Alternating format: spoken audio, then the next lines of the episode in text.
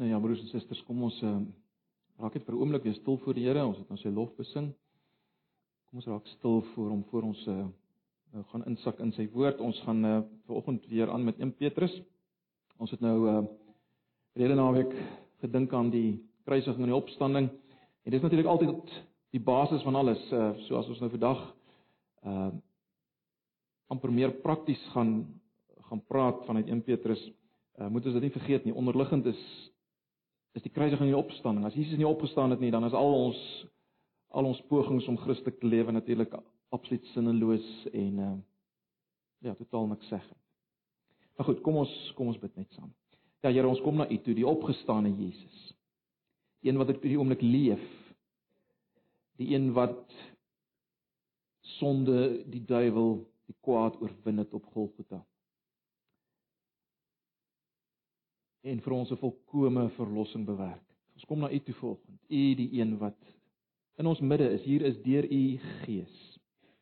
En ons dankie dat U vanoggend hier is ten spyte van wie ons in onsself is. Ten, ten spyte van al ons mislukkings en ons tekortkominge. U is hier want ons is U liggaam uit genade uit. Onlosmaaklik aan U verbind en aan mekaar verbind. Ons dankie daarvoor. En ons wil nou vra dat U ook vanoggend maar net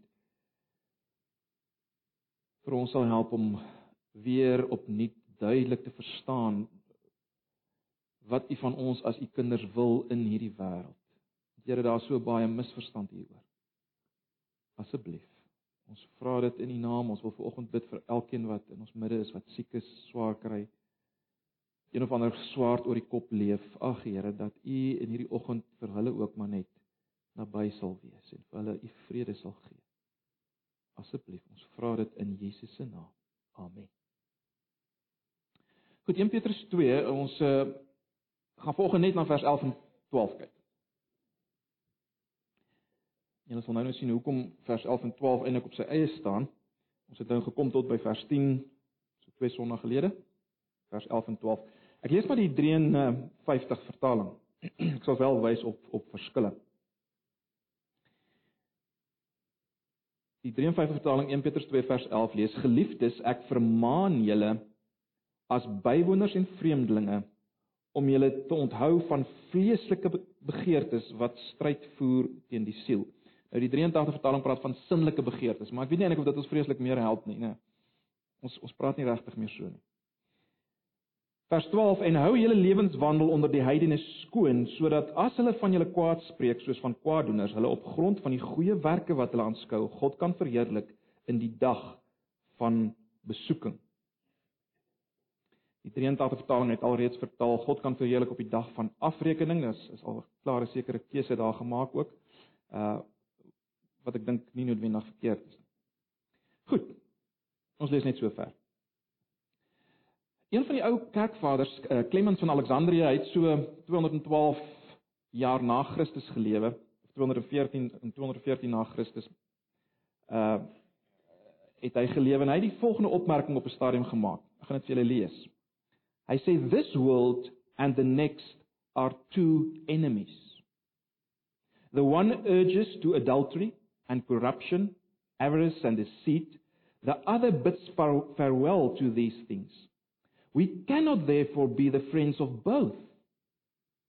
And it behooves us by renouncing the one to make sure of the other.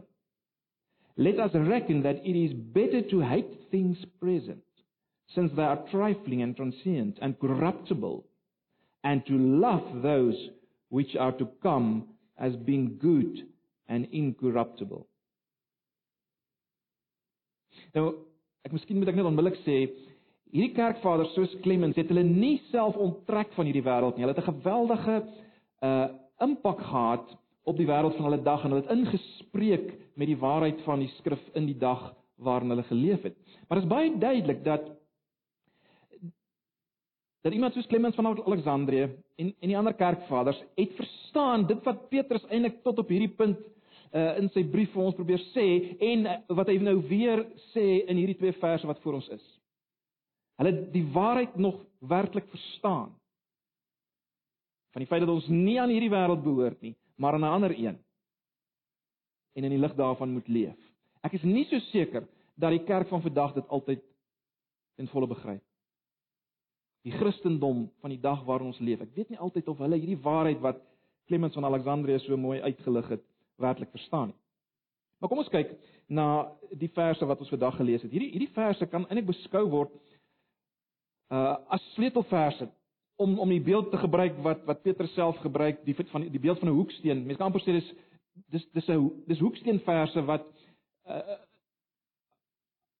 die res of die of laat so sê die die verse vooraf voor vers 11 en 12 as te ware bind hieraan en en ook 'n invloed het op dit wat wat gaan kom.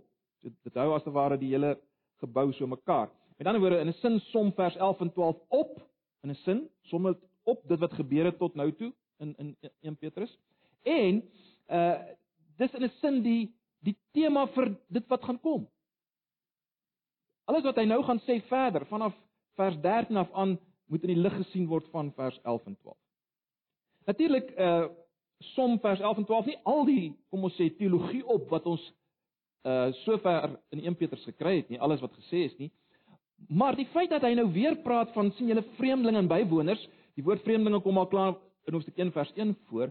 Die feit dat hy dit weer noem, uh veroorsaak dat ons as te ware herinner word of of laat ek so sê hy wil hê ons moenie vergeet van die groot waarheid naamlik dat ons as gelowiges 'n sekere posisie in hierdie wêreld het, 'n sekere status, die van uh, vreemdelinge en bywoners. Ek sal nou-nou weer iets daaroor sê nie. So aan die een kant wil hy nie ons sê ons moet daarvan vergeet nie, aan die ander kant wil hy hê ons moet nou weer opnuut kyk na wat is die implikasie daarvan? Wat is die aard van die Christelike lewe dan in die lig van die feit dat ons vreemdelinge bywoners is? Dis ook iets waarna hy al aan geraak het, né? Nee. Verseker het hy al daaroor gepraat. Maar nou gaan hy dit uitbrei en hy gaan dit eintlik in die res van die brief uitbrei, hierdie waarheid. Hoe hoe lyk dit nou in verskillende areas? So in die verskillende perikope wat kom, gaan hy eintlik hierdie waarheid nou uitbou. Natuurlik is hierdie twee verse ook 'n samevatting uh in 'n sin van die verse presies voor vers 11 en 12. Die gedeelte waar hy gepraat het van van Jesus as die hoeksteen en ons wat onsself moet laat opbou so stene en uiteindelik dan die volk van God is, né? Nee. Uh vers 11 en 12 is eintlik 'n opsomming daarvan want ons baie duidelik moet soos Jesus opgebou word. En wie was Jesus? Jesus was was totaal anders as die omgewing waarin hy was, as die mense waar onder wie hy was. Maar hy was absoluut ook betrokke onder hulle. Sodat God verheerlik is deur wat Jesus gedoen het en soos ons. Ons is nou die nuwe volk van God. Vers 9 en 10, né? Wat 'n uh, uh, heilige priesterdom is. Wat koninklike priesterdom, 'n heilige nasie is, né? Anders is as die rondom ons, totaal anderste. Waarvoor? Om te verkondig die lof van hom wat ons geroep het. Dis wat ons gekry het in in die verse net voor vers 11 en 12. So vers 11 en 12 is is ook 'n amper 'n samevatting van van die verse net voor dit, maar ook meer, né, nee, ook breër. So dis dis dis, dis twee geweldige belangrike verse, twee sleutelverse wat in die middel lê. As ons hierdie twee verse verdeel, kan ons sê dat uh Petrus wys eers wat is die status van sy lesers in vers 11a, sê wie is hulle, wat is hulle status? Dan kom daar 'n vermaaning tot sekere gedrag in die lig van wie hulle is. En ons kry dit in vers 11b en 12a. En dan in vers 12, die res van vers 12, vers 12b, kry ons die doel van hierdie goeie gedrag. Hoekom moet hulle hulle self so gedra? Hoekom moet hulle self so gedra? En dit alles is weer die grondslag van alles wat daarna kom, né? Nee. Uh waarna ons gaan kyk, die die uh die verhouding met die owerhede van die dag die verhouding met hulle baase, die verhouding met nie-Christen mans, die verhouding met hulle vrouens, die verhouding binne die familie van God en so mee. Hierdie twee verse gaan uitgebou word of is lê onderliggend aan alles wat hy gaan sê in in die res van die boek. Goed, ek dink julle julle begryp die belangrikheid van hierdie twee verse. Goed, kom ons kyk na vers 11a, die die status of identiteit van hierdie gelowiges volgens Petrus. En voor ons daarna kyk, uh, julle sal oplet Petrus sê ek vermaan julle. Die 83 vertaling sê net ek ek dring by julle daarop aan. Maar die die woord wat hy gebruik is ek vermaan julle en en dis insiggewend. Hy praat met gelowiges. En hy vind dit nodig om hulle te vermaan. Om ernstig met hulle te praat. So dis belangrik om dit te hoor. Maar baie belangrik, hierdie vermaaning kom nie na hulle asof hy wat Petrus is of asof God teen hulle is nie, né? Dis baie belangrik. Hierdie vermaaning kom nie na hulle toe omdat hy of God teen hulle is nie en daarom begin hy met geliefdes. Geliefdes. Hulle is geliefdes. Nou in hoofstuk 1 het mens al iets hiervan gesien dat waar die gelowiges in hierdie wêreld vreemdelinge is, is hulle gekies deur God. Niemand in hierdie wêreld wil hulle kies nie. God het hulle gekies. Daar kry ons al klaar die die gedagte van die of die gedagte dat hulle dat dat hulle geliefdes is. Maar maar hier is dit nog meer eksplisiet. En die kontras is belangrik. In die wêreld is hulle nie geliefdes nie. Hulle is vreemdelinge en bywoners. Ek gaan nou nie alles herhaal wat ons al gesê het oor vreemdelinge en bywoners nie, maar julle sal onthou ons het vir mekaar gesê dat uh dit het eintlik as mens gaan kyk na die woorde dit het eintlik gedui daarop dat hulle werklik uh 'n laer sosiale klas was wat wat wat wat uitges hoe kan ek dit stel wat wat uh, nie deel gehad aan baie voorregte van die ander burgers nie. Dit was werklik wie hulle was. En boonbehalwe dit was hulle Christene, so hulle was ook geestelik totaal vreemd aan die omgewing waarin hulle was. En hulle behoort aan 'n ander land as te ware, hulle was burgers van 'n ander koninkryk. Maar dit was ook maar soos ek sê, hulle was ook werklik uh burgers met eintlik niks regte nie. Groep wat baie uitgedruk is. Dit dis wie hulle was. Hulle was nie geliefdes in die samelewing. En Petrus kom spreek hulle aan as geliefdes. En dit is geweldig belangrik. Weereens, hulle is soos Jesus. Jesus wat nie in die wêreld geliefd was nie. Hy is gehaat. Maar hy was God se geliefde seun. Dit is my geliefde seun en wie ek welwaai. Dis dis wie ons wel, dis wie Petrus se eerste lesers was en dis wie ons is as gelowiges. Vreemd in hierdie wêreld uitgedruk, maar geliefdes by God. En daarom is hierdie vermaaning uh wat Paulus tot hulle bring is is is nie 'n raas nie. Hy raas nie met hulle nie, as ek dit so kan stel. Hy moedig hulle aan as geliefdes. As geliefdes. God het julle lief, net soos hy Jesus liefgehad. Julle is sy geliefde kinders, geliefdes. Ek vermaan julle. Ek ek wil vir julle iets op die hart druk. So kom ons kyk na hierdie vermaaning wat pas by hulle gedrag. Dit is baie duidelik. Christene se gedrag moet anders lyk want hulle is anders as die mense onder wie hulle bly. hulle hoort nie regtig hier nie. Hulle is net tydelik hier. Dis dis ook deel van die gedagte van van van 'n uh, van vreemdeling. Hulle hulle is net vir 'n tyd daar op pad na iets anders. So wat moet hulle doen? Hoe moet hulle leef? Wel, dis wat Petrus hier aanraak. Eerstens moet daar 'n innerlike verandering wees. En dan moet dan moet ook 'n verandering in hulle uiterlike lewe wees. Dis die twee dinge wat eintlik hier aangeraak word as mens mooi kyk, né? Nee. Die een word met 'n negatiewe stelling aangespreek en die ander een meer met 'n positiewe stelling. So kom ons kyk net daar. Wat is die inner hoe moet die innerlike lewe lyk? Wat moet hulle maak met hulle innerlike lewe? Wel, Petrus sê, onthou julle van vleeslike of dan sinnelike vleeslike begeertes wat stryd voer teen die siel. Die 83 vertaling sê dit verwoes net 'n mens se lewe, so dis amper al die eind, uiteinde van die stryd voer, né? Maar dis die dis die gedagte. Onthou julle van vleeslike begeertes wat stryd voer teen die siel. So hou jouself weg daarvan. Dis dis die gedagte. Hou jouself weg van hierdie vleeslike begeertes wat stryd voer teen die siel. Wie wat is die siel? Dis daai innerlike jy. En omdat hy praat met Christene, dis daai innerlike wedergebore jy. Hierdie vleeslike begeertes voer stryd teen die innerlike jy. En daarom moet Christene innerlik gedissiplineer wees. wat betref die begeertes wat stryd voer. Hulle moet innerlik gedissiplineerd wees. Hulle moet hierdie begeertes vermy.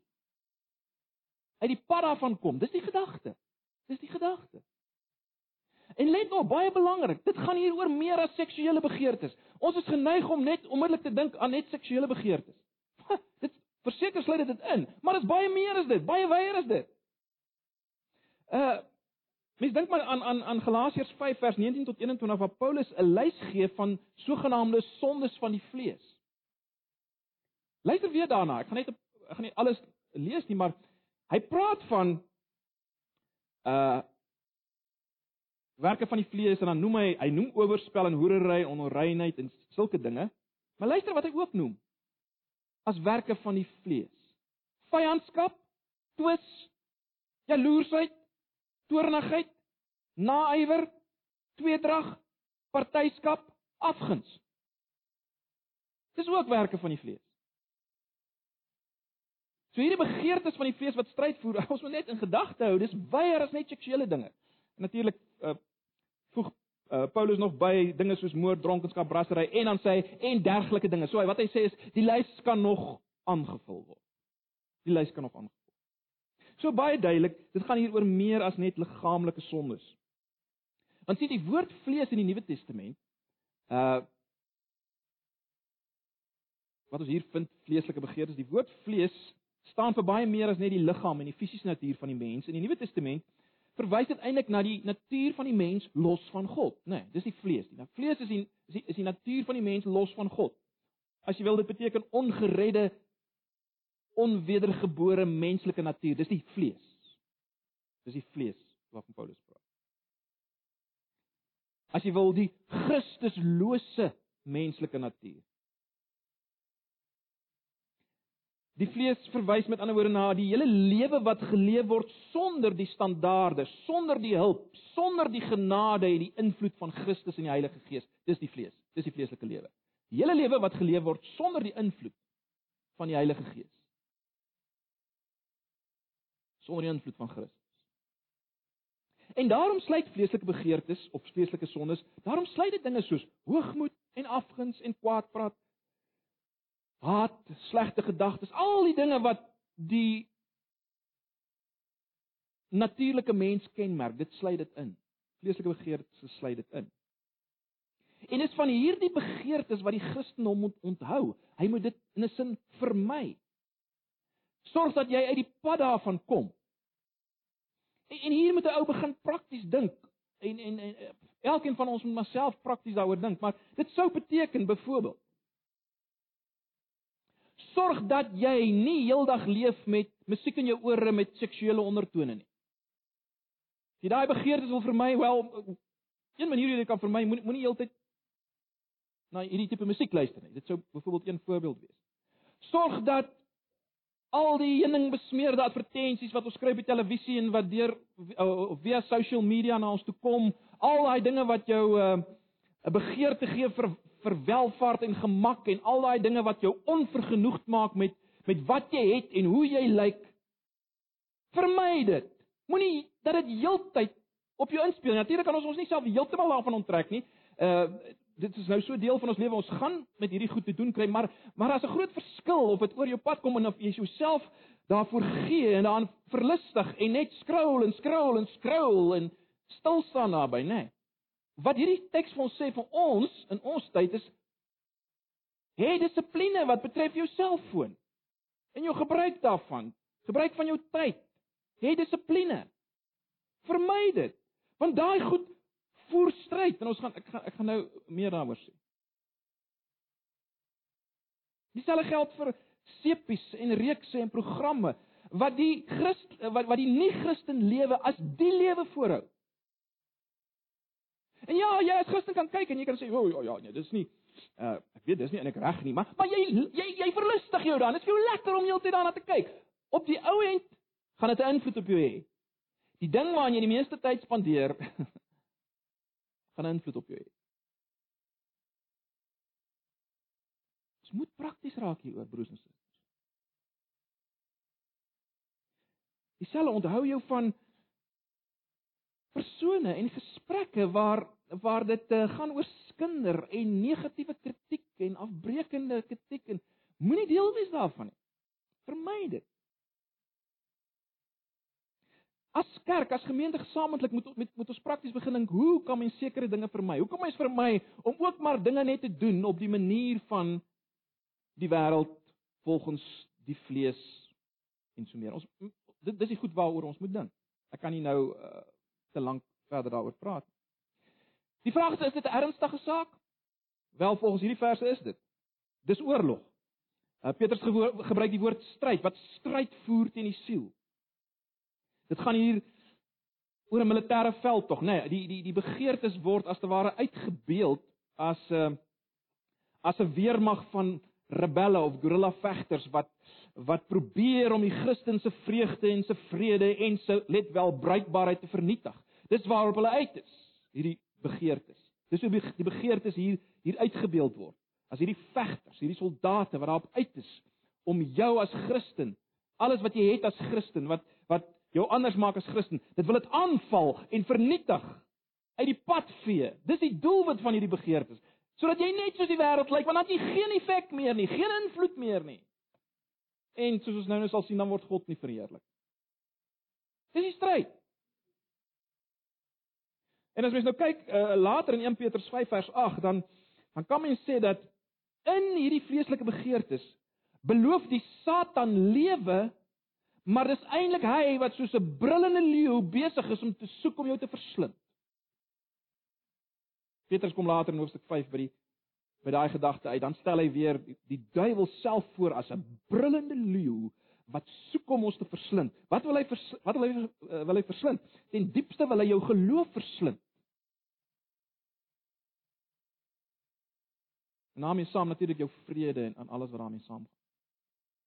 Maar dis 'n stryd. Dit dis nie 'n ligtelike saak nie. Dis nie maar Ja, verseker 'n meer ernstige tipe Christene is hierdie stryd, maar ek ag wat ek doen maar alles wat die wêreld doen en verlustig my en al hierdie goeters. Maar ek is nog ek ek doen al die ander goed wat 'n Christen moet doen en ek bid en so aan. Dis 'n oproep. Dis 'n vermaaning om julle te onthou weg te bly van hierdie begeertes wat stryd voer.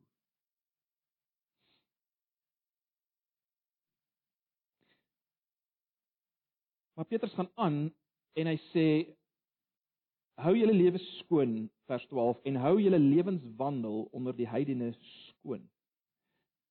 So daar's die innerlike dissipline, maar dan's daar ook die uiterlike lewe waarop gelet moet word. Nou uh ons vertaling vertaal dit met hou julle lewenswandel skoon. Die die gedagte in die woord wat gebruik word in die Grieks is is is is, is baie ryk. Uh, dit beteken dat julle gedrag lieflik wees, innemend, edel, lofwaardig, suiwer ensovoorts. Sorg dat julle gedrag so is.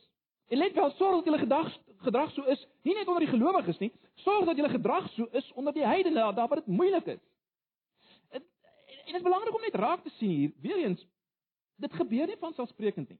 Uh, Daar's soms die siening onder onder Christene dat ag, as jy Christen word, van selfsprekend is jou gedrag net heeltemal anders.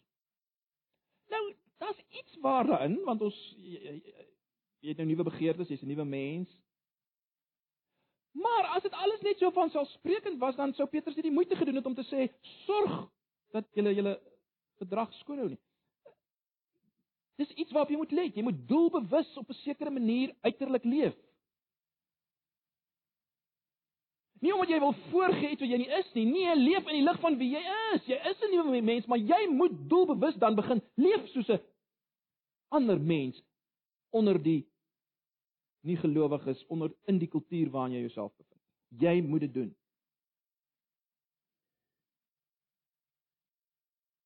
So belangrik.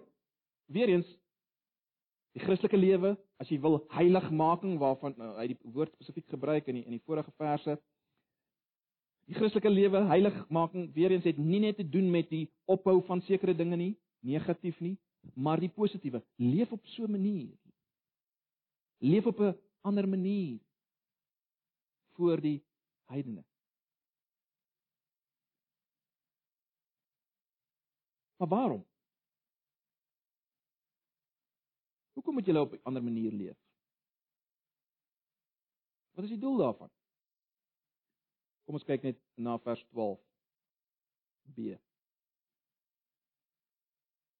Hy sê sodat as hulle van julle kwaad spreek soos van kwaaddoeners, hulle op grond van die goeie werke wat hulle aanskou, God kan verheerlik in die dag van besoeking.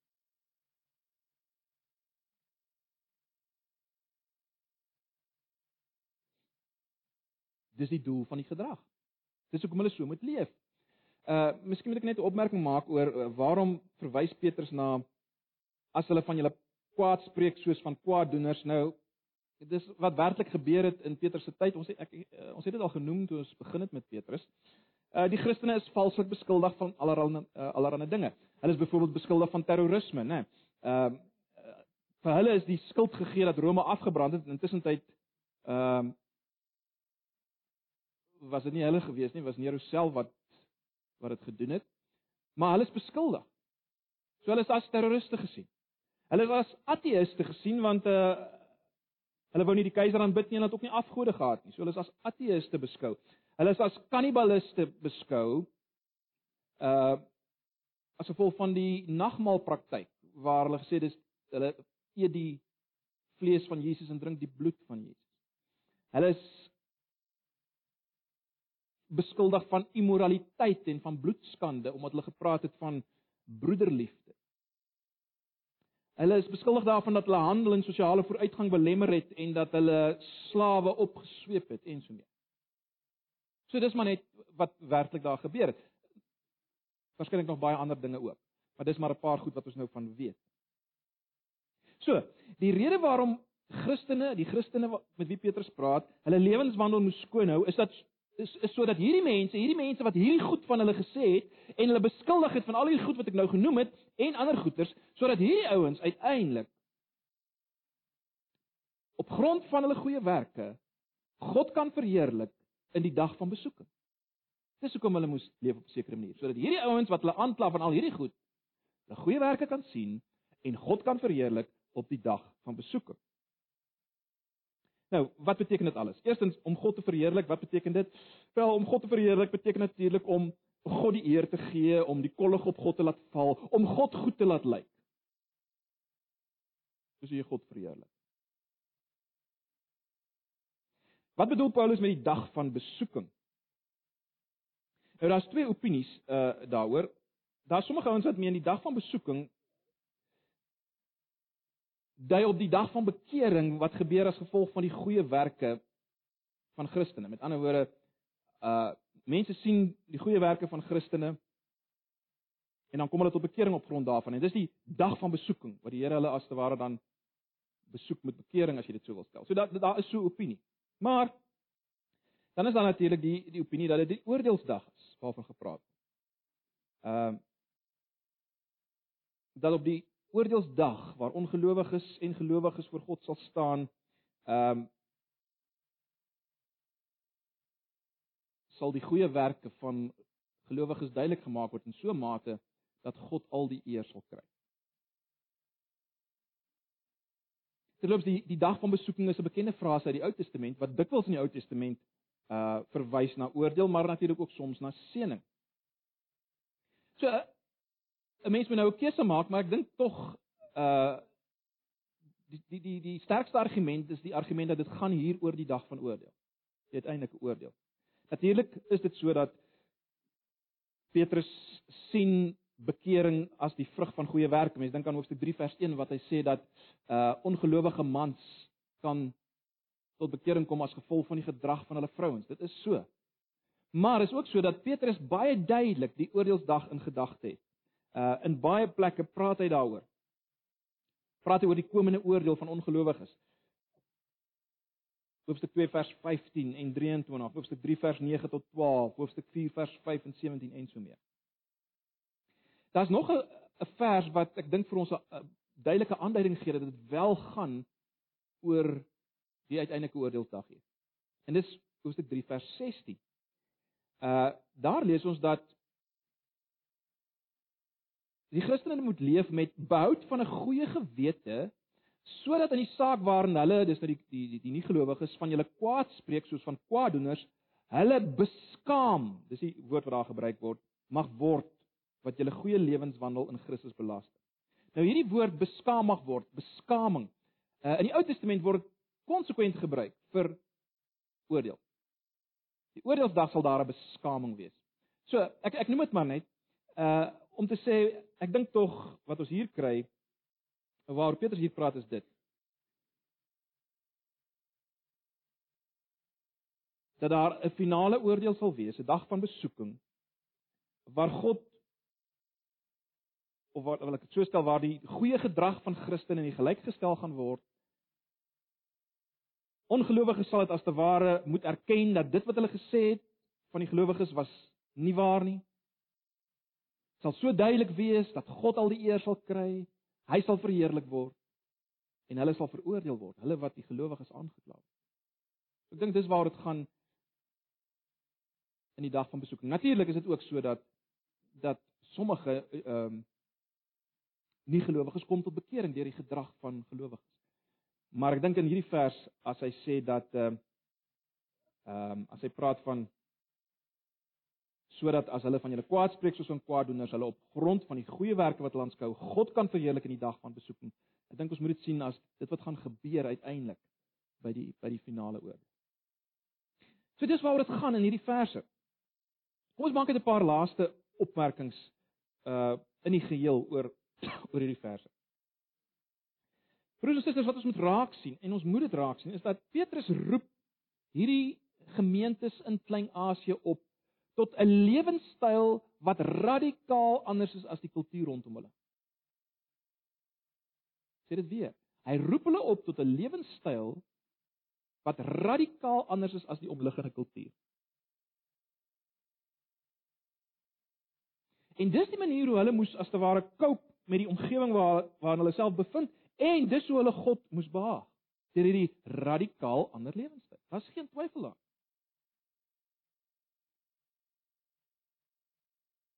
En baie belangrik, dit bly die oproep tot die kerk vandag. Ons sal volgende Sondag sien, dis nie so altyd so eenvoudig om die presiese lyne te trek as mens kom by die die gehoorsaamheid aan die owerheid moet ons 'n bietjie anders daaroor dink as hulle waarskynlik ensovoorts. Alles ons, ons leef nie in presies dieselfde omstandighede nie. Uh in hulle tyd was daar ook miskien meer fisiese aanval op hulle. Maar die punt bly, die oproep is die is dieselfde. Die oproep is dieselfde. Ons moet 'n alternatiewe kultuur wees. Ons kan nie lyk like, ons as Christene kan nie in ons lewenswandel en dit wat ons dink en sê en doen in ons optrede net lyk like, net lyk like, in ons gebruik van ons tyd net lyk like, soos die wêreld en dan is daar iets fout. Dit pas nie, dit hoort nie. Dan is daar nie 'n stryd voer en 'n skoonhou nie. Die twee dinge waaroor ons nou gepraat, dan dan is dit nie daar nie. So dis uiters belangrik dat ons dit sal raak sien. Ons moet besef dat ons Christelike lewe raak alle areas van ons lewe. Ons kan dit nie net sit. Ag ons weet hierdie goed, maar ons moet dit weer hoor. Ons kan nie maar ons Christelike lewetjie as sien as dis die dinge wat ek doen as ek besig is met stilte tyd en as ek kerk toe gaan. Ons mag dit nie doen. Dit gaan hier oor meer as 'n oproep om Bybel daagliks te lees en daagliks te bid en eredienste by te woon en tiendes te gee en en en en uh, sekere Christelike norme na te volg. Dit gaan oor meer as dit. Ons Christelike lewe, ons heiligheid, ons heelword proses wat heiligheid maar net is, né? Nee. Dit moet ons seksuele optrede raak. Dit moet raak watse woorde gebruik ek en watse woorde gebruik ek nie. Dit moet my musiek smaak raak, wat ek luister of nie luister nie. Dit moet my ekonomiese besluite raak. Dit moet moet my vakansieplanne raak. En dit moet my teologiese besluite raak. Dit moet Natuurlik. Natuurlik, my my Christelike lewe Bybel lees, bid, getuienis, die dinge is ingesluit, verseker, moet my nie verkeerd hoor vanoggend. Ons moet baie dink. Ons moet meer omvattend dink na 'n 'n teenkultuur in die kultuur waarin ons leef. En let wel, dis vir alle Christene. Dis nie weer net vir die vir die toegewyde groepie. Kyk, mense is ons geneig om in elke gemeente het jy het jy die gemeente en dan het jy die eintlike gemeente klein groepie wat alles bywoon en alles reël en dis vir alle Christene hierdie goed. Dis vir alle Christene. Alle Christene moet sekere dinge laat staan en sekere dinge doen. Dit moet aan die begin van jou Christelike lewe waar wees en dit moet waar wees as jy oud is as Christen. Beteken kry ek die indruk as, as die skokkende indruk dat Christene eweslik as hulle oud word, dan begin hulle self allerhande dan begin hulle dinge doen wat hulle nooit sou doen as jonger is, asof hulle nou hulle kan nou maar. Nee. Die kerk as geheel, ons moet bly veg teen seksuele losbandigheid, alkoholmisbruik, dwelmmisbruik, uh dubbelverslawing, diskriminasie, rasisme en al hierdie dinge. Ons moet bly veg daarteen. Aan die een kant. En ons moet so leef dat mense gaan vra, wat het hulle wat ons nie het nie? Hoe kan hulle so vergewensgesind wees? Hoe kan hulle so met liefde uitreik ten spyte van of te midde van wat aan hulle gedoen word en so meer? Hierdie hierdie goed moet daar wees. Ons moet vir mekaar vra as ons by mekaar kuier. Uh en net ontspan. Moet ons vir mekaar vra wat beteken dit om in die besigheidswêreld as Christen te leef, 'n heilige lewe te leef. En en en dit geld vir elke deel van die beroepswêreld. Selfs in die sielkunde en in die sosiologie, hoe moet dit lyk as Christen? Hoe moet ek dit benader? Uh Hoe moet ek dink oor dinge in die media as Christen? Ons moet 'n oordeel daaroor vel. Ons, ons moet daaroor dink. Ehm um, onder jong mense hoor ek daar baie keer die uitdrukking jy moet net nie judge nie. Jong mense is, is, is lief om dat dit dit sê hulle voel ons moet net nie judge nie. daarmee bedoel jy moet jy moet nooit vir 'n ou aanspreek oor enigiets wat dan judge jy. Die punt hier is ons moet judge. Judge in die sin van ons moet goed beoordeel in die lig van wie ons is en in die lig van die skrif. Ons moet dit doen. Dit beteken nie jy veroordeel mense tot verdoemenis nie. Dis nie waar dit gaan. Maar ons moet beoordeel. Ons moet alles beoordeel as Christene. Die probleem is ons doen dit nie en veral ons as Afrikaanse Christene doen dit nie. Doen dit nie. Ons kap maar net aan en kyk wat ons wil en doen wat ons leef maar net soos die wêreld. So ons moet beoordeel. Dit het selfs implikasies vir ons evangeliserings uh, evangelisasiewerk. Ons moet ook die koste van disippelskap duidelik maak. Ja, ons moet absoluut Jesus bring in al sy volheid, in al sy heerlikheid. Dis die enigste antwoord, verseker. Dis die evangelie, dis die goeie nuus. Maar daarmee saam is daar ook iets soos die koste van disippelskap wat Jesus gesê het. As jy agter my aankom, jy kruis op neem my volg. Hy wat sy lewe wil behou, sal dit verloor. Hy wat dit verloor, sal dit behou dan moet daai aspek wees.